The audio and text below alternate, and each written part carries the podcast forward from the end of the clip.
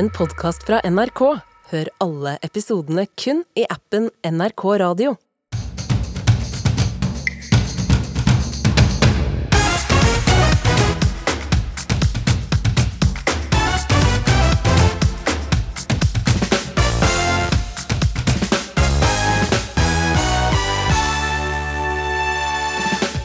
Det har vært mer snakk om boikott enn ball. Det har vært stillhet i stedet for sang, og det har vært forbud foran fest.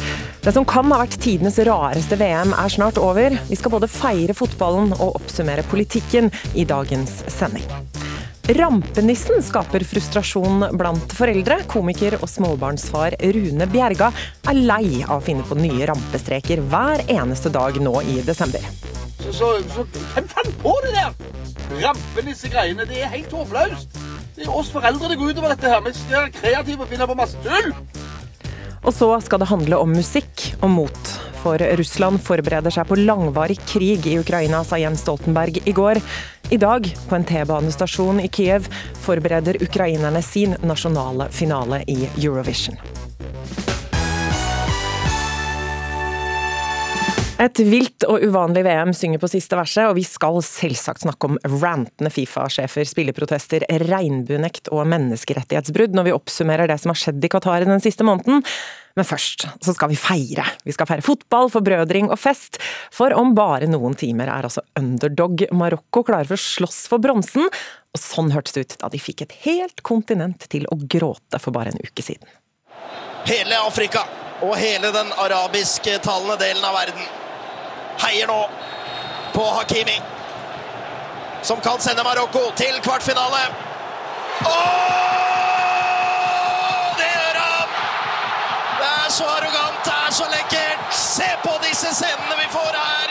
Marokko er det fjerde afrikanske landet i VM-historien som tar seg til en kvartfinale. De slår ut giganten Spania, naboen Spania.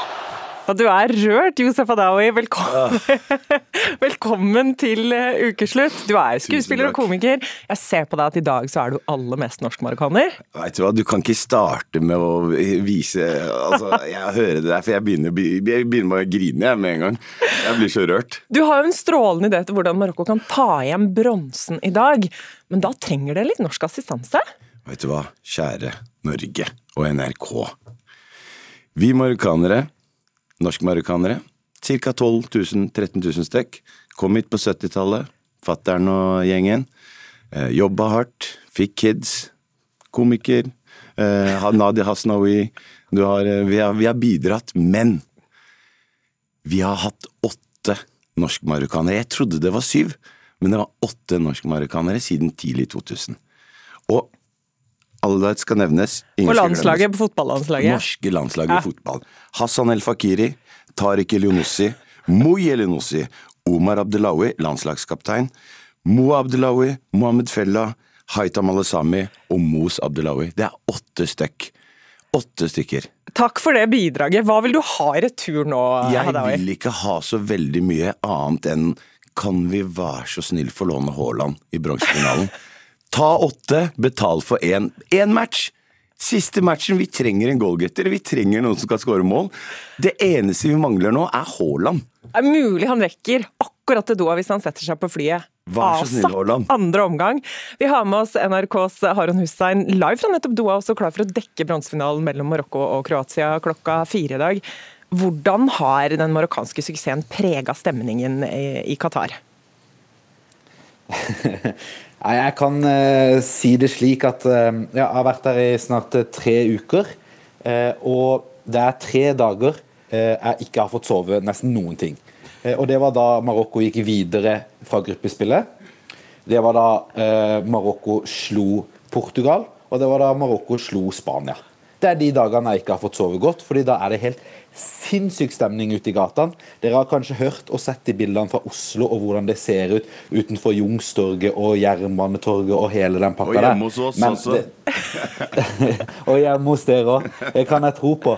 Men, men den, det, det, er helt, det, er en helt, sinnssyk stemning. Bare tenk dere på hvordan det har vært her. Når de både har hatt hele, alle de marokkanske folka og fansen som har vært der, og ikke minst alle araberne som også er her, som også har heiet på Marokko, har blitt marokkanere. Eh, og ikke bare de, alle andre lagene heier også på Marokko. her, så Da de har spilt, så har det vært helt sjukt sånn herre mange kilometer med kol kolonner med, med, biler som bare jeg, jeg, jeg skjønner ikke, jeg er araber selv, men jeg, jeg klarer ikke å skjønne den der tradisjonen de har der de bare står og tuter, for det er jækla irriterende. Sorry språket. Marokko Men, har gjort deg eh, søvnløs, eh, Haroun Hussein. Hvordan har dette VM-et vært for deg, Josef Atawi? Da er jeg helt enig med Haron. Jeg har, jeg har ligget i fosterstilling og grinet og ledd, og det har vært en berg-og-dal-bane av følelser. Og bare det å se og høre folk som ringer meg fra Marokko, som aldri har brydd seg om fotballen. Bestefar og Det har vært så gøy å se folkefesten. Folk har vært ute og dansa. Damer, bestemødre, alle er ute på gata. Og i flere dager! De har holdt på i flere altså det, det er en fest som har bare vart og vart, for fordi du har jo de der dagene mellom kampene. Så det har vært en fantastisk stemning, og det har forent oss. Vi, uh, vi glemmer også midt oppi det hele Vi sier arabisk land. Marokko er ikke et arabisk land, det er jo et berbisk-arabisk land. Det er eh, 50% av Marokko har berbiske aner, eller amazigh, som det også heter. Så det, det føler jeg at vi har glemt lite grann, men, men det har vært en fantastisk fest. Og jeg har akkurat fått tilbake stemmen min, fordi jeg har bare skreket og holdt på. Så jeg har vært, møtt opp på jobb, og de bare hva, hva, skjer med deg, Josef? Jeg bare nei, Marokko har gått videre. Det har vært helt i 300. Men det er jo ikke sikkert at det går veien i dag. Beklager å være partypooper her. eh, Ja, Hvis du ordner Haaland, så, kommer- så ordner vi det. Da må du ordne Haaland, Marte. Haron Hussein i Doha, NRKs eh, mann der. Hvordan tror vi det går dette her, da? Nei, det, det, det spørs veldig. De, de to lagene har jo møttes tidligere i gruppespill, og da endte det jo uavgjort. Eh, og jeg har fulgt både begges pressekonferanser. Eh, og en sånn kamp, ikke for å ødelegge helt stemninga, men det er, det, er en, det, er en, det er en kamp som, som ikke kanskje betyr veldig mye nå for Marokko osv., men det er, som for fansen er det ikke en kamp som betyr så mye. Det å spille om en tredjeplass for store idrettsutøvere er ikke så stort. Hva er det så du sier marokkansk- nå? Det er det største. Vi har aldri vært der, bro. Det er, Ja, vi, vi sitter og skjelver. Hele Marokko sitter og venter på det her. Ikke sant? Men jeg var jo på pressekonferansen til, til eh, Eller jeg hørte pressekonferansen til Marokkos trener, og da, da sa han jo at han kommer til å gi sjansen til mange av de som ikke har spilt hittil i mesterskapet. Og da vil det si at da han kanskje ikke bruker de beste spillerne. Så det spørs litt på motivasjon, så den kampen er jo helt åpen. Eh, så det blir veldig spennende. Senere i sendinga så skal vi eh, grave litt i hva det er det egentlig vi vil huske best fra dette mesterskapet, og hva det har gjort med framtida til fotballen. Enn så lenge så sier jeg tusen takk og lykke til til Josef eh, Hadaoui og til Haron Hussein, NRKs mann i Doha. Tusen takk.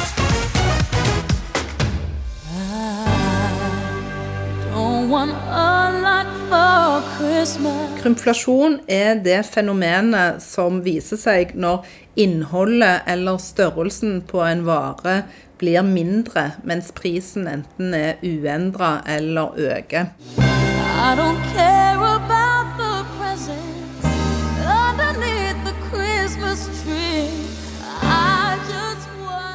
Ja, det var altså Mariah Carey og Språkrådets Åse Vetås i skjønn forening. For går det an å kombinere årets ord, som kom denne uka, med årets julegaveutdeling? Krymflasjon det betyr jo altså f.eks. at det er to egg mindre i pakka, men at den koster det samme eller mer, og det er jo kjedelig når du skal lage omelett, men det er kanskje ganske fint når man skal gi bort julegaver. Det betyr at du slipper unna med å gi litt mindre, eller er det egentlig lov? Runar Døving, professor i Høgskolen i Kristiania, du har forska på forbrukeratferd. Kan man slippe unna med å krympe litt her? Det er en veldig, veldig, veldig, veldig god idé og veldig morsom tankegang. Men jeg kan si med ganske stor grad av sikkerhet at det er helt umulig. Hvorfor det? Det er ganske enkelt, for at i gaven så ligger det indirekte en eskalering. Altså et um, våpenkappløp. Eh, Så? For at når du gir, så, så får, du ikke, får du ikke motgaven samtidig. Eh, En gave er alltid utsatt i tid. Og det er hele poenget. Du fjerner prislappen? For at du skal forvandle den fra en vare til en gave. Og så pakker du den inn, og så gir du den bort. Og da skal du gi noe annet en annen gang. Og da, for å være helt sikker, så gir du noe som er bitte lite grann mer. Ikke sant. Så det er motsatt for gavene, faktisk. Ja, det er motsatte. Alltid es- eskalerer. Og hvert eneste år, nesten, så blir jeg intervjuet om disse sakene. Og alle sier at de skal gi mindre, for at nå skal vi spare på miljøet, eller nå skal vi ha, har vi lite penger.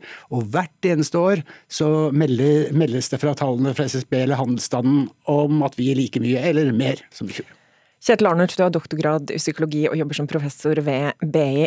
Hva er det egentlig vi vil med dette våpenkappløpet, som Døving sier? Vi vil kontrollere relasjonene til folk rundt oss. Det er egentlig det vi gjør. Ja. Så en gave er overalt i hele verden. Det er både kulturelt og sånn mellommenneskelig, sånn helt på privaten.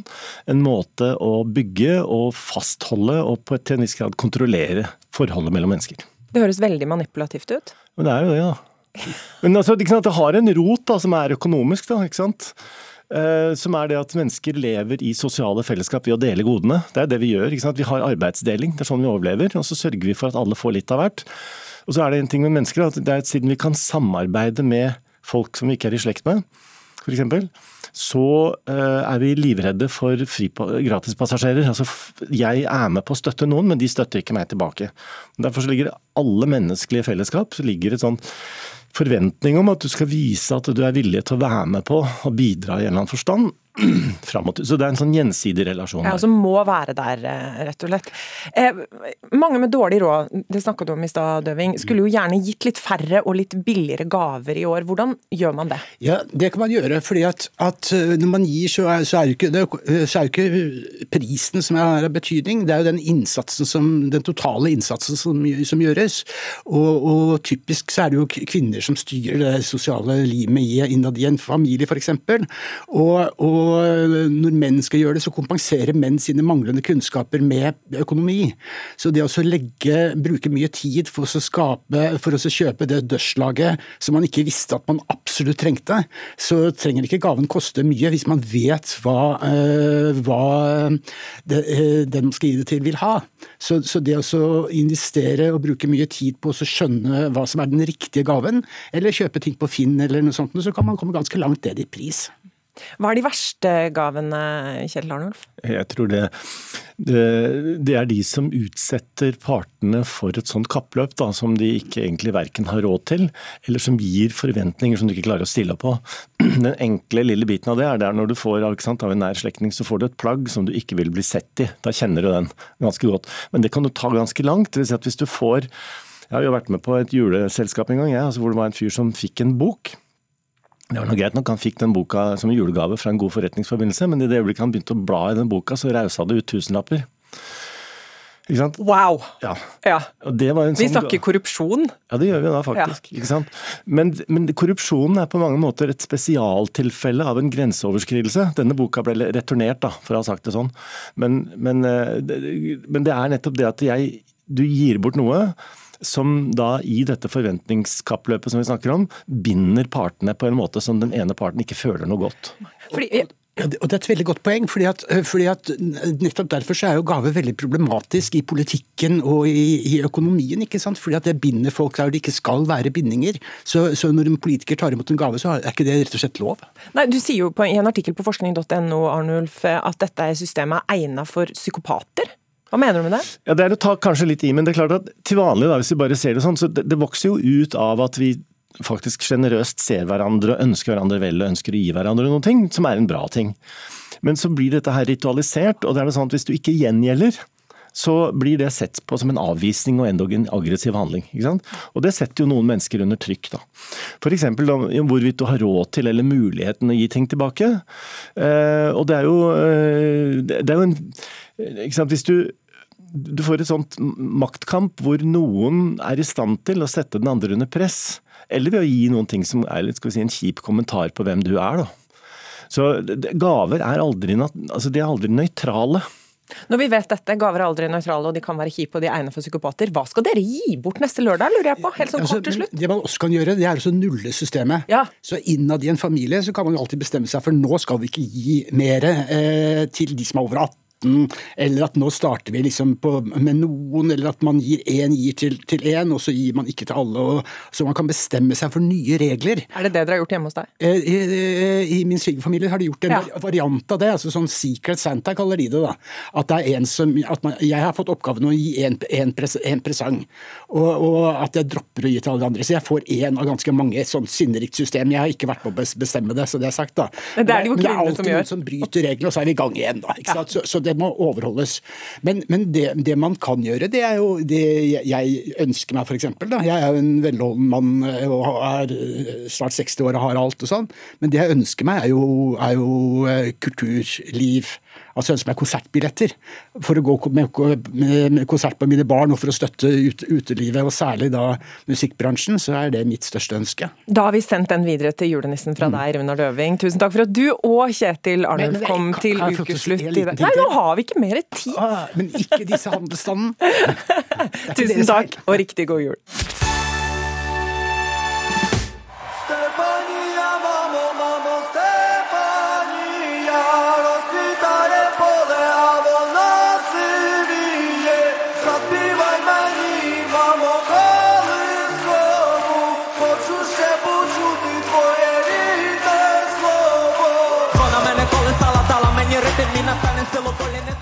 Lett å kjenne igjen for alle Eurovision-fans, Kalush Orkestra med Stefania, vinneren av fjorårets Eurovision. Og den spiller vi litt av nå fordi i går avfyrte Russland mer enn 70 raketter mot Ukraina. Det er altså et av de største angrepene siden krigen brøt ut. Allikevel så arrangeres det musikkfest i Kyiv i kveld. I en T-banestasjon som funker som bomberom, skal nemlig landets nasjonale Eurovision-finale foregå. Og De siste dagene eh, så har jeg hatt en løpende intervjuavtale med en av arrangørene av dette som de kaller for Vidbir. Hun heter Oksana Sibinska. Hun jobber i Ukrainas nasjonale kringkastingsselskap, som skal sende dette eh, på TV og på Facebook og på YouTube i kveld. Men pga. det som har skjedd de siste dagene, så, og den ustabile situasjonen som er der nå, så har vi aldri fått kontakt med hverandre. Så vi er ikke sikre på om de har strøm, om de har nett, eller om de har infrastrukturen på plass, eller hva de tenker rundt gjennomføringen av dette nå når luftvernsirenene stadig går i Kiev. Men vi har med oss eh, Oksanas kollega, kan jeg vel kalle han, Stig Karlsen, NRKs egen Melodi Grand Prix-mann og arrangør gjennom flere år. Og hvilke tanker gjør du deg rundt dette som skal foregå på denne T-banestasjonen i kveld? Nei, dette er jo veldig spesielt. Eh, krigen pågår eh, på sitt verste, og så skal man eh, arrangere noe som skal være hyggelig fest og moro. Og det er jo noe Ukraina trenger. Vi vet at i de verste tider så trenger man noe oppløftende, noe, noe som samler folk rundt noe hyggelig. Og så tror jeg det er veldig sånn symbolstungt at de skal vise at dette kan vi klare. Dette Vi skal arrangere denne musikkfesten på tross av at de er i en veldig, veldig vanskelig situasjon med krigen. Altså dette, Et sånt stort arrangement eh, som dette, Stig Karlsen, hva er det som kreves rent praktisk for å få gjennomført det? Nei, Dette er veldig vanskelig, for dette er en kompleks eh, produksjon å gjøre i, normalt, i en normal tid. Eh, og det er som du sa i innledningen, eh, du er helt avhengig av strøm, du er helt avhengig av internett. Og en sånn type finale som da har avstemninger og har en masse teknologi gående. Og få til det da eh, nede i en T-banestasjon under bakken, eh, et bomberom, det, det, det er ikke bare bare. Så det blir veldig spesielt å følge dette i kveld. Og ja, det, jeg tror det er viktig for dem at de får det til. Eh, Men det er imponerende at de klarer å løfte et sånt type arrangement i den tida de er i. Anders Tangen, Eurovision-fan, og spesielt nettopp opptatt av dette forholdet mellom nettopp politikk og musikk da, i denne konkurransen, som jo egentlig skal være apolitisk. Hvilke tanker har du gjort deg rundt dette arrangementet? Nei, For det første så er det som Stig sier, Eurovision skal være glede, Grand Prix skal være glede. Men så lenge Ukraina velger å ha dette, så lenge de velger å ha denne festen, så syns jeg vi også skal ha det gøy med finalen i dag, og feire den som vi alltid gjør. For vi skal ikke nekte oss denne festen når ukrainerne ikke gjør det. Da skal vi feste med dem. Og eh, rett etter krigen så ble jo TV-signalene eh, gjort tilgjengelig på nettet, sånn at dette kommer til å bli veldig lett tilgjengelig i hele Europa, og sikkert på eh, mobiler skjermer i hele Ukraina også, så blant annet YouTube. Og så er det en eh, side som heter Satto, som sender alle disse her uh, ukrainske TV-kanalene. Så det er lett å få øye på det. Og norsk tid så er det fire timer. Det er fra klokka 16 til klokka 20 i dag, så jeg skal selvfølgelig få det med meg mens jeg står og lager mat, og nyte det som en helt vanlig nasjonal finale, men med et eh, tragisk bakteppe som jeg håper uh, ikke preger sendinga i forhold til sikkerhet for artistene og sånt noe. Eh, ja. Kan du si litt mer om Ukrainas forhold til Eurovision, og hvordan de har utmarka seg i tidligere konkurranser? Ja, jeg mener jo at Ukraina er et land som alltid blir lagt merke til. Enten pga. at de har spektakulære låter. altså De har leid inn en sånn kjempe som bærer inn artisten liksom i armene sine. De har hatt et hamsterhjul eh, som Alexander Rybak eh, konkurrerte mot i 2009, som gjorde at han gikk rundt med en sånn eh, T-skjorte som sto sexmaskin, fordi dette var på en måte litt sånn sexmaskin, da. Den her eh, ukrainske maskina som var framme der i 2009. Eh, og de hadde jo selvfølgelig Vera Petrushka, eh, Verka, som hadde den der Ja, den stjernehatten, ja. Helt Mm, riktig. glitter. Stjerne, glitter, ja. Glitterfiguren. Eh, Med en låt som het Lusha Tumbai. Men når du synger det, så høres det ut som du synger Russia Goodbye. Og nå har de formelt endret navnet på låta til Russia Goodbye. Og Verka har jo spilt på veldig mange sånne motivasjonsarrangementer i Ukraina for soldater, for vanlige folk, og hun er også et symbol, altså, for dette. Så Ukraina tar Eurovision på alvor, og øhm, tar landet sitt på alvor. Selvfølgelig gjør de det også nå. Stig Karlsen, eh, NRKs eh, Melodi Grand Prix-mann. Eh, Hvor symbolsk er dette med tanke på historien til Eurovision? Er, Eurovision ble jo faktisk starta en gang for at Europa skulle se hverandre til, altså rundt en positiv begivenhet etter krigen. Så dette er, Man kan godt se på Eurovision som musikkonkurranse, og at det er musikk, og at det er fest og moro, og spektakulære kostymer og sceneshow. Men det ligger faktisk noe veldig symboltungt bak, som nå i denne tida er kanskje viktigere enn noen gang.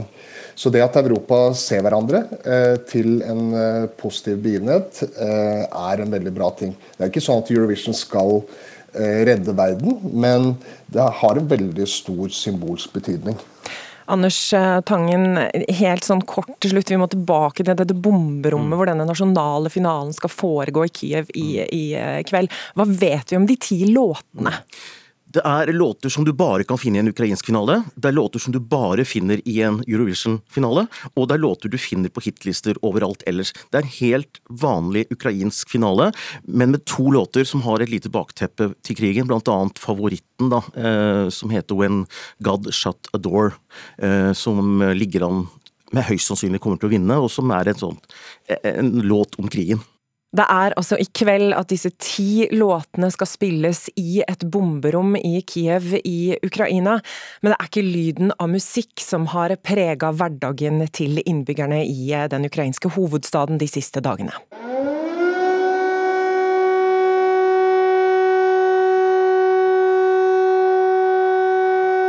Altså luftvernssirenene og utenriksjournalist her i NRK Charlotte Bergløff, velkommen. Hva tenker du når du hører at denne lokale finalen Vidbir skal foregå i et bomberom i kveld? Jeg tenker at den viser jo nettopp denne kampviljen til Ukraina. Eh, De vil vise at de lar seg ikke knekke. Eh, De lar seg ikke bøye i kne av eh, Russlands aggresjon, og dette er en måte de viser det på. På samme måte som de har vist det på slagmarken, og ved å gå videre i livet og prøve å holde hverdagen i gang så godt de kan, til tross for at de da hører denne sirenen ofte mange ganger om dagen og om natten, eh, og blir avbrutt i det de gjør, og selvfølgelig også vet hva den sirenen kan innebære av farer. Ja, for Du har vært i sånne bomberom flere ganger under reportasjeturer i Ukraina. Kan du si litt om hvordan stemningen er der? Ja, Ukraina er jo et veldig stort land, så det varierer jo veldig fra sted til sted. Eh, kollega Roger Severin Bruland har jo annet tatt seerne våre med til potetkjellere ute på landsbygden, ikke sant, hvor de har måttet eh, søke tilflukt hvor det er kaldt og rått og, og, den type tilstander. Mens i storbyene hvor jeg har vært en del, eh, så er det jo ofte kjellere i, i gamle bygg, eller også garasjeanlegg eh, som tas i bruk, og hvor folk eh, kommer og samler seg når alarmen går. Og så er det også slik at mange har lagd eh, seg bomberom i husene og leilighetene sine. Så de har funnet eh, rom i huset hvor det er to vegger ut, eh, ut på gaten. Sånn at med to vegger imellom så tenker de at her er vi forholdsvis trygge, eller i hvert fall litt trygge. Og så lager de seg et såkalt home shelter, altså hjemmebomberom, og prøver å, å, ja, å verne seg som best de kan der. Og når denne flyalarmen går, hvordan reagerer folk? Det varierer veldig fra sted til sted. Eh, Noen går ikke ned i bomberommene lenger. De sier at er dette min bombe, så får det være min bombe, jeg orker ikke mer. Andre sier jo nettopp dette at eh, vi vet aldri hvor disse kan slå ned. Det kan være hvor som helst og når som helst, så de eh, har begynt å gå ned i større grad. Spesielt etter disse missiloffensivene vi har sett nå i høst, og også da det kom kampdroner innover Kiev. Da var vi der, og da begynte folk i økende grad å søke tilflukt igjen i bomberommene, fordi de vet jo godt hva som kan skje. Eh, Rett etter at eh, en alarm gikk mens vi var der, så da vi kom opp, så var det jo et boligbygg som var rammet kraftig av en av disse kampdronene. Eh, Og da døde jo et ungt par i 20-årene, Vika og Bogdan, som skulle ha blitt foreldre nå til nyttår. Så alle vet jo hvor, hvor farlig det kan være også å bli værende oppe. Du har en app på telefonen din. Eh, Hvor ofte har den som varsler flyalarmer, hvor, hvor ofte har den gått av de siste dagene? Eh, Den har gått av hyppig. Den gikk av nå også i formiddag. eh, Og så gikk Da får jeg først en alarm hvor det står 'søk tilflukt', med en veldig sånn fin grafisk liten mann som løper. Eh, Og så, når eh, faren er over, så kommer en eh, ny melding på telefonen hvor det står at faren er over, du kan gå ut igjen. Og de fleste ukrainere har disse appene på telefonen. Det finnes mange forskjellige av dem, og du kan krysse av for hvor du er i landet. Og så er det jo på en måte en sånn krig på apper. Det er jo en eh, høyteknologisk eh, nasjon. Eh, så man kan jo også, mens man sitter nede i bomberommene, sitte og følge med på appene hvor det, hvor det skjer noe. Altså hvor er det de skyter ned missiler, hvor er det missilene har truffet, og på en måte orientere seg om det som skjer. Men det er jo også snakk om å holde motet oppe, så de gjør jo mye annet også på mobilene for å holde motet oppe der nede i bomberommene, eller Vi får håpe den ukrainske finalen i Eurovision som foregår altså i Kiev i kveld, kan bidra til akkurat det der med å holde motet oppe. Utenriksjournalist Charlotte Bergløf, tusen takk for at du kom til Ukeslutt. Har du blå melk i kjøleskapet? Eller har du dusjen full av ballonger? Eller har du kanskje hengt opp dopapir på juletreet? Da er jo sjansen stor da, for at du har en rampenisse i hus. En rødkledd nisse som finner på rampestreker mens alle sover. Og nå kommer det en liten røpealarm hvis det er noen kalenderglad rampenissebarn som hører på. For det er jo bare det barna tror. I kulissene så jobber mange foreldre knallhardt med å finne på kreative sprell, og noen har jo gått lei i god tid før julaften. Kom og se. Hva har rampenissen gjort? Han har lagd en snømann. Av to ruller? Den herlige følelsen. Barn som ler av at en liten rampenisse har funnet på rampestreker i løpet av natta. Og historiene deles gjerne i barnehagen, enten rampenissen har knytt sammen skolissen eller pakka inn doen i gavepapir. Han har bæsja i do. Nei. det var morsomt, ikke? Rampenissen har i løpet av få år blitt veldig populær. Og noen velger å ha rampenisse i stedet for adventskalender for barna, mens andre har begge deler. Ina Merete Håvik er en av dem som står bak Facebook-gruppen Rampenissen, med over 100 000 medlemmer. Og der deler de mange gode tips. Det har eksplodert. Rett og slett eksplodert i år. Men noen småbarnsforeldre kjenner litt på slitasjen av å skulle finne på gøyale sprell til denne rampenissen hver eneste kveld. Og komiker og småbarnsfar Rune Bjerga bestemte seg for å dele litt av denne frustrasjonen i sosiale medier. Nå har vi holdt på i mange år med tomme for ideer. Altså, Nå har vi prøvd alt. Ungene begynner å bli misfornøyd med, med det, det. Ja, men det har vi sett før at de har gjort. Hvem fant på det der? Rampenissegreiene. Det er helt håpløst. Det er oss foreldre det går utover dette her. Vi skal være kreative og finne på masse tull. Og at rampenissene må finne på nye sprell barna kan våkne til, kommer han og samboeren som regel på til en fast tid hver kveld. Og så akkurat Idet du skal legge deg, så kommer du på det. Nei! Rampenissen. Og så står vi der som to sinnssykt store spørsmålstegn. Skal rampenissen knyte skolissene sammen? Snu alle stolene opp ned, eller putte julepynten i kjøleskapet? Bjerga er ikke den eneste som har kjent på at det som skulle være enkel moro, til slutt ble ganske slitsomt. Tror jeg nok at eh, 24 dager er nok nok, ja. han er ganske kreativ de første dagene hjem til oss, han rampetissen. Da begynner jo jeg å gjøre research og ta med de tingene jeg trenger å ordne. Men så blir vi litt slappere eh, og bare rører liksom litt på handa eller flytter den litt lenger bort dit. og sånn, Så noen dager er rampenissen rett og slett litt sliten, sånn som mora. Som er helt tomme. Hvis noen har forslag til hva disse rampenissene kan gjøre, så send meg et tips, eller så brenner jeg de opp. Noen ganger går rett og slett rampenissens hjelpere lei, som komiker og småbarnsfar Rune Bjerga. Etter at han delte sin frustrasjon, har mange tatt kontakt. Så det er jo litt kult å få masse gode tips, men det er jo noen som drar det altfor langt. Ja, noen mener at du bare skal ta livet av eh, rampenissene. Ja, da er de lei, og da har de bare skrevet en lapp at de har fått covid-19 og må sove. Ja, enkelt og greit. Enkelt og greit. Så det er noen som har tatt livet av sine rampenisser allerede? Eh, Det har sett sånn ut, men det spørs om det hjelper. De ungene vil ha de. Hva har rampenissen gjort hjemme hos dere? Prompa i ansiktet mitt.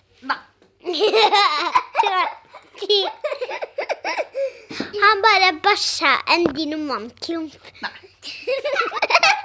Jeg syns det høres ut som rampenissen bæsjer veldig mye. Ja. Kan alle sammen hytte med neven og si 'Rampenissen'? Rampenissen! Oppgaven var at vi skulle smelte frem en nøtt som hadde blitt lagt inni en eh, iskule, for der hadde jo rampenissen vært.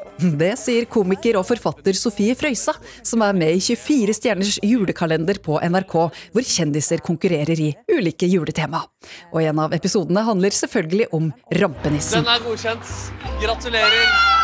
Hennes beste tips til voksne som har gått lei av rampestreker, er å si at rampenissen har reist til Syden. Det er jo kaldt nå. Hva om rampenissen rett og slett drar til Granka en liten tur og blir der sånn rundt Ja, frem til april, kanskje? Det er jo en kjempeidé. Og da er du veldig rampete om han plutselig dukker opp i april. Da er det jo opp ned på alt. ja. Bare liksom, Så kan du få et bilde av at de sitter eh, ligger på solsenga med en drink og Ja. Leser VG der nede òg, for det gjør man jo. Ja, ja, ja. Eh, Nede på Granca der. Og kjøpt seg litt sånn artige Hawaii-T-skjorter og Nei, det, det syns jeg. Eh, rampenissen drar til Granca.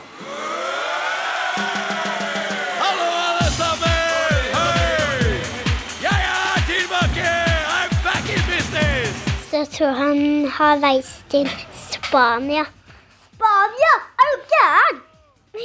Men hvis rampenissen skal forsvinne, er det lurt å snakke med barna om det først, sier Mona Bekkhus, førsteamanuensis ved Psykologisk institutt på Universitetet i Oslo. Ja, jeg tror at det kan være lurt å forberede dem på det, at rampenissen eh, kanskje skal på en liten ferie. Og kanskje rampenissen eh, pakker kofferten en dag, og dagen etter så har han reist til, eh, til noen tanter og onkler eller på en liten ferie. Ja, for det å bare si at rampenissen er død, det blir kanskje litt eh, brutalt. Ja, det tror jeg kan eh, oppleves veldig dramatisk, og ja, kanskje man blir litt sånn utrygg. Men dere, hva tror dere rampenissen gjør hvis han drar på ferie? Hvor drar han da? Til Spania. Og hva gjør han i Spania? Bæsjer og tisser i vannet. En, han bare promper og fiser i vannet. Han bare driver med masse rampestreker der òg? Ja. Ja, Det spørs om komiker og småbarnsfar Rune Bjerga, som har gått lei av rampenissen, vil bruke disse gode ideene. Foreløpig har hans rampenisser tatt seg en liten pause. Så våkner ungene til at, der, eh, at de lå rett og slett eh, på, på gulvet, eh, og da hadde vi en lapp hvor det sto at de hadde besvimt pga. de høye strømprisene. Kom sterkere tilbake i morgen. Reporter var Line Forsmo. Nå skal det handle om det som kanskje er det aller mest omtalte paret i året vi er i ferd med å legge bak oss, prins Harry og hertuginne Meghan. She's independent, she's quite feisty. She's a controlling woman. Oh! There's some rather polarized opinions. I'd say it's doomed. People are so cynical before the people are even married. Give the couple a chance, for goodness sake. They're obviously in love. I agree. Ja, hun er blitt beskyldt for å dominere prins Harry og har eh, måttet bære ansvaret for bruddet med kongehuset. Denne uka kom altså de tre siste episodene om Harry og Meghan, hvor prinsen og hertuginnen kommer med sin versjon av hvorfor de rømte fra kongelige plikter og bosatte seg i USA. Serien på Netflix har fått mange millioner til å benke seg foran skjermen for å se og høre prinsen og kona fortelle hva det var som gjorde at det skar seg med både kongehus og presse i Storbritannia. Egon Holstad, du er kommentator i avisa i Tromsø, og du kaller serien for seks episoder med selvrettferdig gnål. Det må du få lov å utdype. Ja, jeg mener jo akkurat det, det, jeg skriver, at det er seks episoder med selvrettferdig gnål. og Jeg skrev også at det var både sutring og krokodilletårer. Men det, det, det, jeg har prøvd å kritisere, er jo det her massive dekning av det her, ikke minst i norsk media, og i særdeleshet hos NRK. Eh, og For ei uke siden så var det knapt mulig å få med, med seg andre nyheter enn det her. for Hele denne nyheten om denne Netflix-serien var liksom en sånn mediegjøkunge som sparka ut alle andre eh, nyheter. og Det er altså da i et tidsrom hvor det skjer relativt mye annet i verden. og da skrev jeg denne kommentaren som uh, er veldig grunn til at jeg sitter her nå, vil jeg tro. Vi, vi, går tilbake til dette med selvrettferdig gnål, fordi eh, Miriam Torsell Nes, du er psykolog og er også med oss her i Ukeslutt i dag. og I Aftenposten så skriver du at kritikerne, altså Holstad og resten av gjengen, glemmer at eh, prins Harry og hertuginne Meghan også er mennesker. Hva er det som får deg til å si det?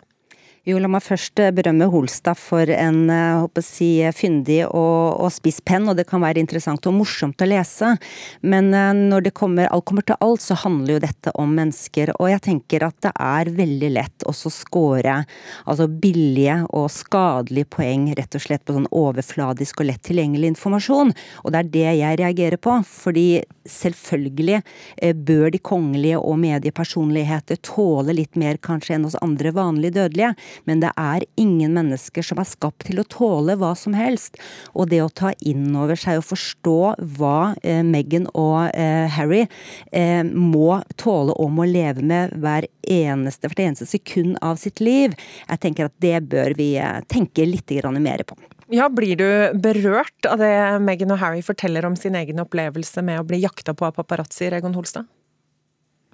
Eh, nei, egentlig, egentlig ikke. Altså, jeg, jeg, skjønner jo at de selvfølgelig har problemer. Eh, eller folk har jo problemer uansett hvor, hvor privilegert det er. Men den, den kronikken som, som Miriam Thorsen Næss har skrevet, har jo overskrifta 'Er Harry og Meghan egentlig privilegerte?' Da tenker jeg liksom, hvis, hvis ikke folk som har arva konstitusjonell makt til et imperium, og som har arva like mye penger som noen av de mest mm. bemidla skatteflyktningene i Norge, og som har tilgang til de største mikrofonene og høyttalerne.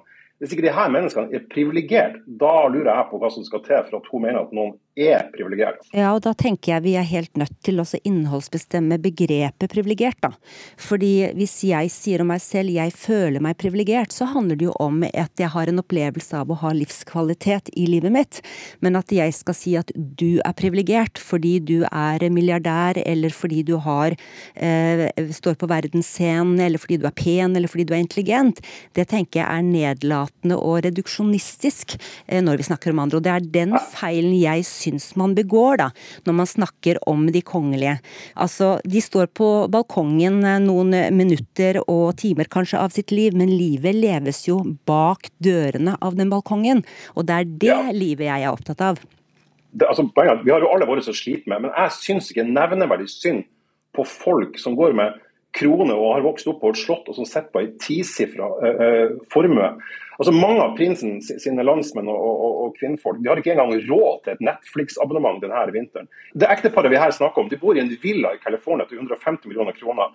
Eh, og så må de klare seg på, på hans del av morsarven, som er beregna til rundt 120 millioner kroner.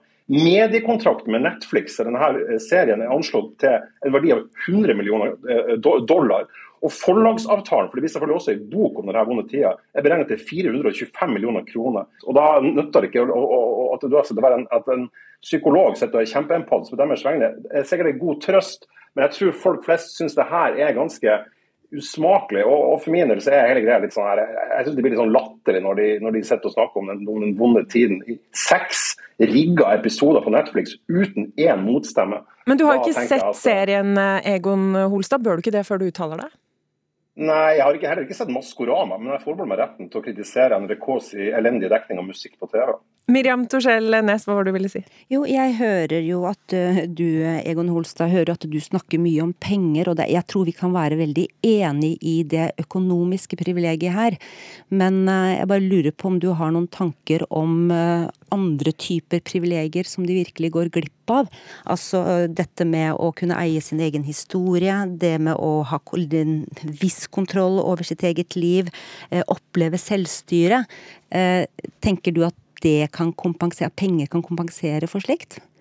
For vi er jo enige Nei, om det kan ikke penger her. kompensere, men det, det her er sammenlignende tanker. Det, det er med den ramse opp alle de pengene eh, og at de har tilgang på alle de mediene, så tror jeg at det er, veldig, det er veldig mange, ikke minst mange av de britiske skattebetalere, som i praksis betaler for hele den overdådige og middelalderske og for lengst avleggelse anakronismen av ei krise på demokratiet, som, som absolutt alle kongehus er.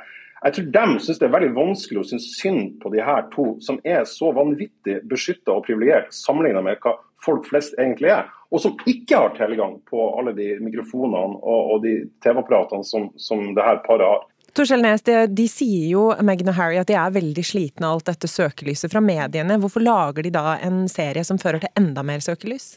Jo, for dette handler om at man ønsker en viss kontroll på sin egen historie. Og det er jo ikke slik at jeg er hodestups eh, betatt og forelsket i, i dette paret her som par, men jeg tenker at det er jo det britiske kongehuset som er dysfunksjonelt, og det er forholdet mellom, mellom det britiske kongehuset og pressen som er dysfunksjonelt, og man har en uskreven kontrakt om å tjene hverandres eh, interesser. Og mitt poeng er at midt i dette så lever det mennesker, og for meg så spiller det ingen rolle om det om den personen heter Egon, Miriam eller Harry eller Meghan. Et menneske er et menneske, og det syns jeg vi skal beskytte. Så man gjør en kardinalfeil her når man angriper menneskene, for det er systemet, det er institusjon man bør angripe. Ja, altså, ja, jeg, jeg, tenker jo at eh, denne oppmerksomheten som de syns er så forferdelig, og som du åpenbart har, har stor empati for, eh, syns jeg òg er litt sånn merkelig. En ting er nå at de har sittet her og, og fått lov å sitte helt ukritisk, uten motstemmer, i seks episoder og skravla inn i et kamera med ganske sånn rigga reportasjer også, eh, ifølge skriveriene i både norsk og britisk presse fra, fra dekninga av deres historie. I tillegg så har de sittet på Oprah Winfrey og snakka ut om den vonde tiden.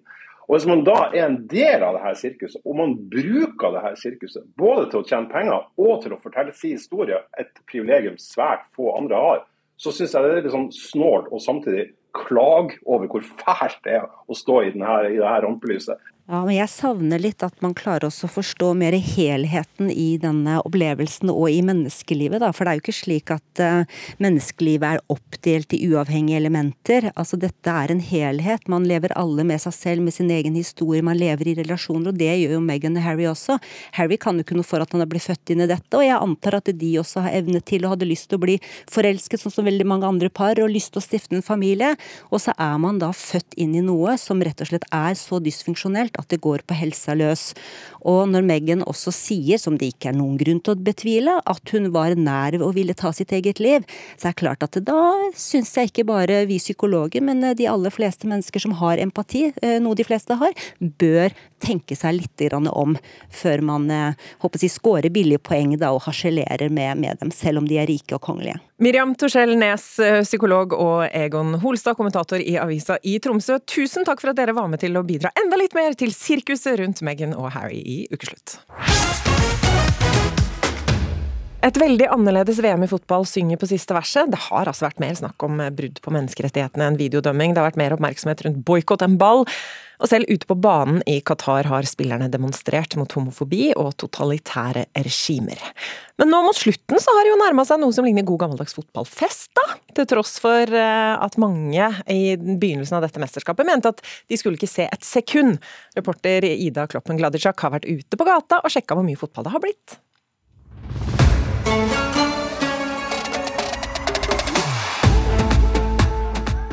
Har du sett på fotball-VM i år? Det har jeg ikke. Ikke interessert i fotball. Ja da, jeg så på det, ja da. Eh, glimtvis. Eh, manglende interesse, rett og slett. Ja, har sett litt på det. Har det. Hvorfor eh, det? Det er jo en uh, folkeidrett, så man må følge med litt på det. Ja. Det er interessant å følge med, det er gøy, det samler folk, ikke sant. Ja, fordi at jeg er interessert i idrett og sport. Ja, fordi sønnen min er veldig interessert i fotball, så jeg må henge med i hva som skjer der. rett og slett. Men eh, jeg skulle egentlig ikke sett i det hele tatt. Som en protest. Stille protest. Så er det jo ikke så deilig heller når du vet hvor mye som er bak det. Og så har jo det vært det samme egentlig menneskerettighetsbruddene alle år, tror jeg, da, under fotball-VM. Men det er jo nå det først kommer frem. Siste helga med fotball-VM i Qatar også, kamp mellom Marokko og Kroatia i ettermiddag, og i morgen finale mellom Argentina og Frankrike. Reporter i NRK Sporten Andreas Hagen, og redaktør i Gyldendal Forlag og fotballentusiast Harriet Koroliussen, velkommen. Er dere spente?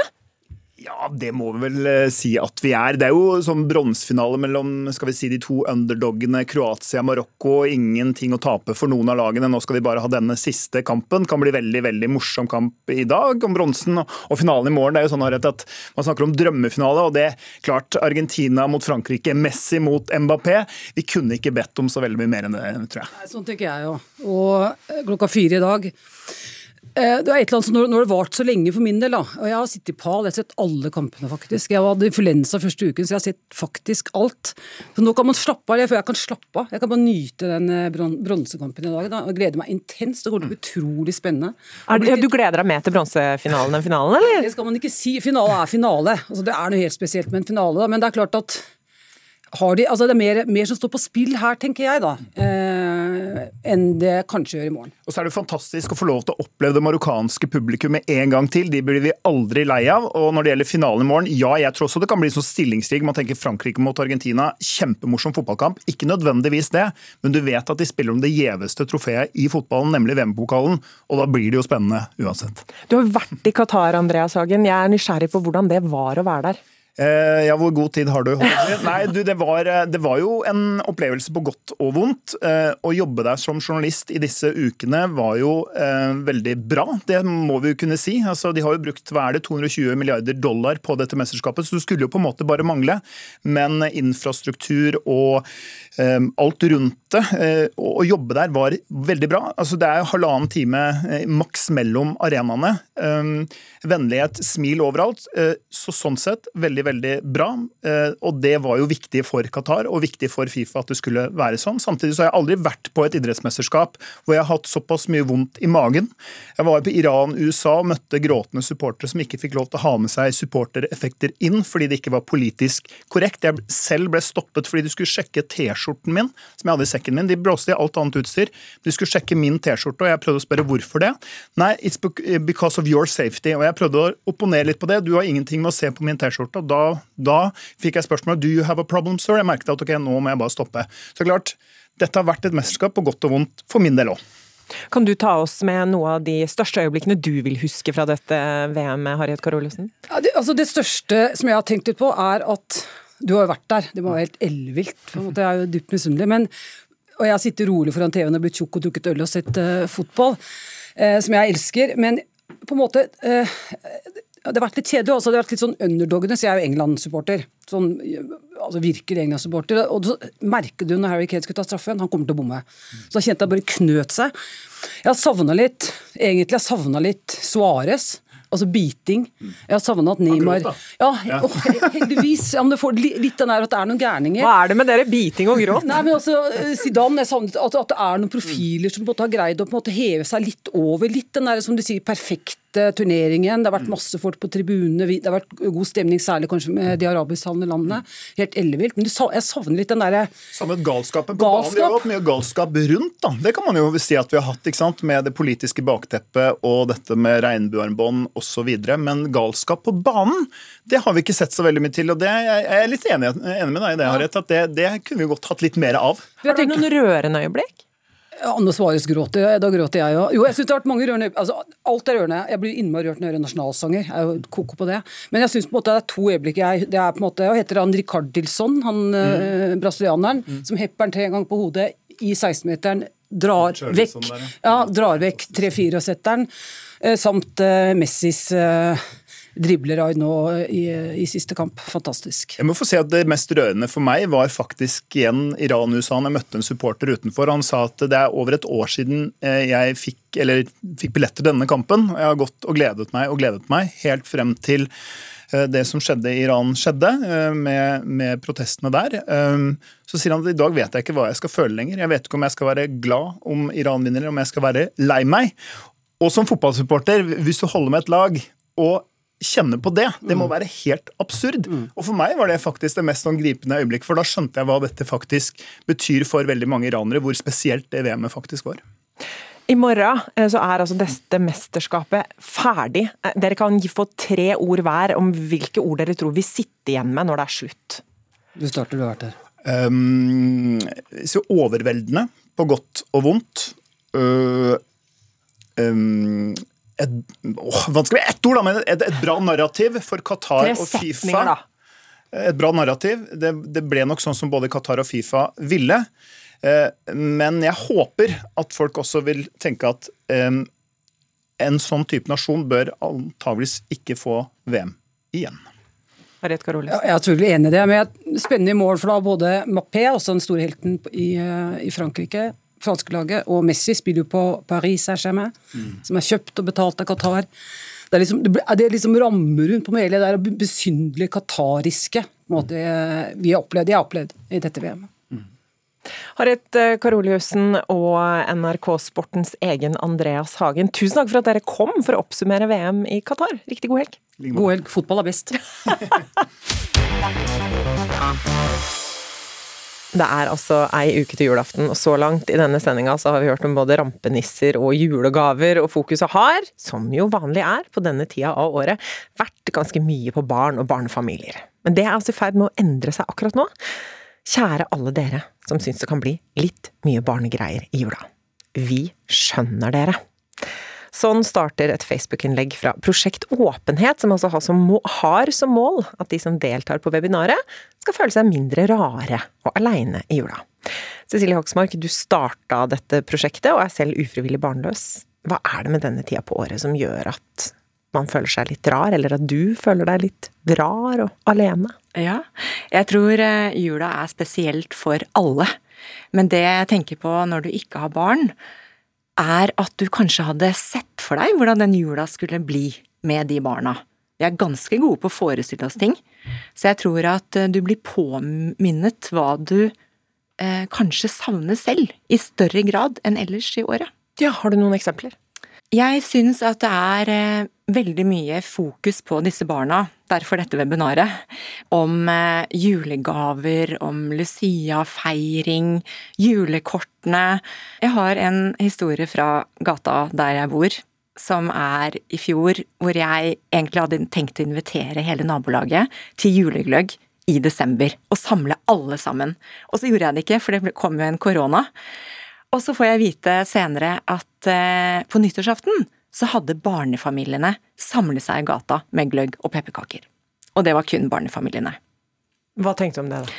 Jeg ble veldig lei meg, rett og slett. Og da følte jeg på et skikkelig utenforskap. Hvilke typiske kommentarer får du som barnløs? Ja, ok, men du får jo kanskje gjort mye annet du da, eller det er noe sånn nervøst over det. Så ikke noen kommentarer over at mitt liv er dårlig, men en slags hint om at det er noe jeg mangler. Og så er det mange som eh, hopper i det og forteller om sin familie. Kollega Elisabeth Døtte Hansen her i NRK, du er også med på dette webinaret. For noen år siden så lagde du en radiodokumentar om dine mange forsøk på å bli gravid. Hender det at du også føler deg feil? Ja, definitivt. Jeg gjør jo det. Det var jo ikke sånn det skulle være. Det var jo ikke sånn det skulle bli. Jeg hadde jo eh, en, eh, en helt annen drøm og en helt annen fantasi om hvordan både jula og, og livet skulle bli, men sånn, sånn ble det bare ikke. Så til tider så kan en jo føle seg ja, som Cecilie sa, litt sånn eh, rar, og definitivt annerledes. Eh, Jeg har aldri følt meg ekskludert på noe vis, det har jeg ikke. Men eh, å sitte i eh, selskaper og sammenkomster hvor du er den eneste, den absolutt eneste som eh, ikke har barn, det, det er ikke alltid like gøy. Og når jula òg kommer da med alt dette fokuset på familie, på eh, lykke og, og samhold, da blir det forsterka når du tasler hjem til bikkja di etterpå. Det gjør det. Men er det sånn at dere helst ikke vil se eller høre barn i førjulstida i det hele tatt, eller? Nei, på ingen måte. Det er jo absolutt ikke sånn det er. Noen kan sikkert føle det sånn, og det, det, vi er jo forskjellige alle sammen, men jeg er ikke sånn. Men eh, jeg kan kjenne på den der ekstra lille sorgen på et vis, da. Når man har vært sammen med mange barn. Jeg var det senest for et par uker siden, der det er eh, intet mindre enn tre små på under ett år som spinner rundt. og Da, da kjenner du på det, altså. Vi gjør det. Men det er jo mange typer utenforskap som det snakkes om nå, spesielt i denne tida. Hva er det som er spesielt med akkurat denne typen utenforskap når det er jul? Jeg tenker at eh, det vekker mye følelser i oss som alltid har vært der, med denne skamfølelsen og sorgen. Det er på en måte det som kanskje kommer litt tilbake, som gjør det ekstra vondt. Og så tenker jeg at det helt sikkert kan ligne på andre som føler på et utenforskap, at man deler mye av det samme. Men dette handler jo om noe, en fremtid man hadde sett for seg som ikke ble noe av. Vi som har barn, da, eh, og som er en del av den gjengen som snakker om julenisser og julegaver går på juletrefester og skoleavslutninger og Lucia og alle de tingene, hvordan kan vi på en måte inkludere dere? Jeg tenker at eh, vi godt kan ha flere voksenarenaer. Hvor voksne samles på voksnes premisser, men alle er velkomne. Ja, så du kan ta med barn på voksenarenaen? Ja. ja. Du kan ta med din nabo, en kollega. Det trenger jo ikke å være så smalt. Og så tenker jeg at man har noe som er for de voksne, og så kan man sikkert ha noe for barna, men det er ikke sånn at det er barna som først og fremst er i sentrum. For det er klart at for meg som da ikke har barn, syns jo ikke det er så interessant hvis det bare er et barnefokus. Elisabeth Tøtte Hansen, det må da være, og dette kommer fra hjertet, noen fordeler med å være barnløs i jula også. Hva er det du setter mest pris på å gå glipp av? Det jeg setter mest pris på å slippe, det er faktisk sånne litt sånn stressende juleavslutninger der jeg vet andre sånn får en melding fra skolen og bare ja, klokka fem i morgen, da må alle stille, for da er det et eller annet sånn uh, halvveis sammenhengende julespill som skal settes opp, og det har selvfølgelig mor og far glemt, og så skal det bakes kaker og tjo og hei. Sånne ting er, er jeg faktisk tilbøyelig til å være glad for å slippe. Og det må være lov å ha litt glimt i høyet og litt svart humor på det hele. Altså, fordi selv om det er ja, trist er kanskje feil ord å bruke for min del, men en liten sånn en sorgklump i hjertet innimellom, så er det jo et godt liv også, og da som sagt slippe juleavslutninger, slippe å gå bananas på en sånn der pakkekalender og alt det styret her, det er jo ikke feil! Elisabeth Tøtte Hansen, kollega her i NRK, og Cecilie Hoksmark fra Prosjekt Åpenhet, takk for at dere delte. Se for deg at du står på flyplassen. Fly etter fly blir forsinka eller kansellert. Ute er det storm, snøen kommer sidelengs, og rullebanen er dekka av is. Og det er et døgn, eller kanskje bare timer igjen før jula ringes inn. I den norske Netflix-serien Julestorm, som hadde premiere i går, er flere mennesker værfast på Oslo lufthavn Gardermoen på lille julaften. Men hva om dette skjer helt på ekte? På julaften om akkurat én uke. Kollega Ida Kloppen Gladisjak har undersøkt saken. I alle år har vi laget filmer om det, musikk om det, og mange av oss gleder oss hele desember til det.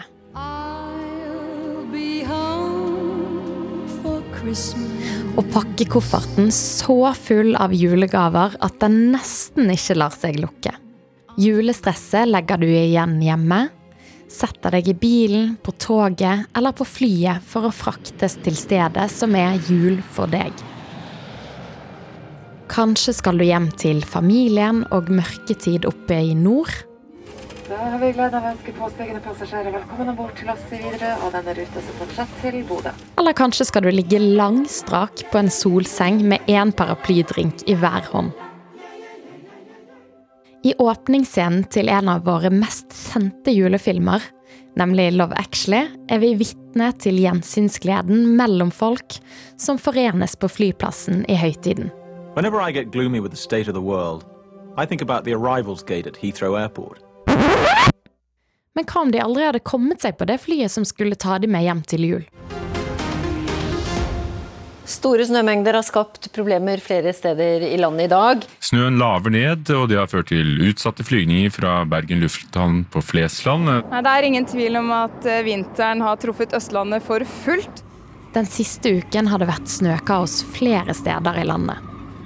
Og en ny norsk Netflix-serie utforsker nettopp dette scenarioet på selveste lille julaften. Tullete driver og sender masse bagasje ned hit nå. Det er en million av mennesker på den flyplassen som er stuck. Det er julaften i morgen. Hva ønsker du deg til? Burberry-veske. I serien Julestorm settes juleplanene på pause når fly kanselleres pga. uvær. Hva kan jeg hjelpe deg med? Nå har jeg bare tenkt at ettersom alle flyene står, så kansellerer jeg den der eh, billetten her, ja. Der møter vi bl.a. David. En litt innpåsliten fyr iført hawaiiskjorte og et stort glis. Jeg heter Jan Gunnar Røise, og jeg spiller David i Julestorm. David var klar for en tropisk julefeiring da han plutselig satt værfast på Gardermoen, forteller skuespilleren. Nei, når han får den beskjeden at uh, nå er det full stopp, så tror jeg han bare Der! Nå begynner kosen. Nå, rett i baren, bestille øl. Bare nå skal jeg, Hvem sitter jeg ved siden av? Aha. Praten er i gang. Så for han så da er det en slags uh, fest. Jan Gunnar Røise opplevde selv å være stuck på flyplassen for bare noen uker siden, da han var på vei hjem fra Amsterdam. Og da var det sånn så lang kø at liksom, jeg kom dit med drosje, så drosjesjåføren tok bilde ut av eh, vinduet og sendte til kompisene sine. Så da, da var det sikkert en kilometer lang kø som bare slanga seg rundt inne på uh, flyplassen for at vi i det hele tatt kunne sjekke inn. Uh, så det flyet det hjem til Norge, det mista jeg jo. Så men jeg sto nå der, da. Og da blei jeg jo faktisk kjent med de folka rundt meg. For vi blei det var akkurat sånn Når man er, har sånne omstendigheter rundt seg, så, er man liksom, så blir man på lag. Nå er det liksom oss mot verden. I'll be home for Christmas.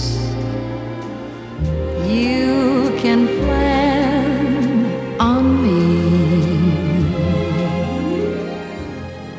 Det er bare én uke til jeg skal hjem til jul på Vestlandet. Og jeg merker at jeg blir litt bekymret for at været kan komme i veien for julefeiringen min. Men heldigvis så blir jeg beroliget av passasjerene jeg møter på når jeg tar turen til Gardermoen for et lite førjulsbesøk. Har du noen gang fryktet at du ikke rekker hjem til jul? Nei. Har ikke det. Rekker alt hjem. Ja? Ja. Aha. Inntil det minste. Nei, det tror jeg det løser seg. Nå er det jo eh, snø ute, det har vært mye kanselleringer på Flesland, til og med i London. Blir du bekymret av det? Nei. Da reiser vi ikke, da. En ganske bekymringsfri gjeng. Men kan de egentlig være så sikre på at været ikke ødelegger for oss? Ja, det skjer, det skjer nok dessverre fra tid til annen. Og eh, Det er jo for noen år siden at det var stort snøkaos f.eks. i London. og veldig mange britiske som var her og derfor måtte feire jul i Norge f.eks. Så, så, og det skjer eh, stadig vekk eh, i forbindelse med værproblemer. Og det trenger ikke være dårlig vær bare i Norge engang. Dette er Knut Morten Johansen, og han vet hva han snakker om. Han er nemlig SAS-veteran og har jobbet som informasjonssjef, og er nå direktør for samfunnskontakt. altså, det å få kjeft for pga. været og konsekvenser for været er jo ikke uvanlig. Jeg skal innrømme at det kan være fristende å tømme julefrustrasjonen ut på første og beste flyplassmedarbeider. Men om man først skulle være så uheldig å sitte værfast på flyplassen i julen, så er det kanskje nettopp disse som er redningen. Eh, jeg vet jo at det er kolleger som har tatt med seg passasjerer hjem og, og invitert til norsk julefeiring. Så det har eh, skjedd eh, faktisk ganske mange ganger. Hvordan går det for seg? Nei, det, det er jo det at man, man ser jo på det at når man begynner å stenge da på julaften på ettermiddagen der, og det sitter noen, så, så ønsker man å forbarme seg over dem og, og ta dem med seg hjem. da. Og det, det er jo veldig fint, da. I'll be home for Christmas. If only Jeg som heter Marte Kaasa Arntzen, og Vegard Æsja, som har stått i studio og vært ansvarlig for det tekniske, samt vaktsjef Kari Ørstavik, takker deg for at du har hørt på Ukeslutt, og ønsker deg en riktig, riktig god jul. Du har hørt en podkast fra NRK. Hør alle episodene kun i appen NRK Radio.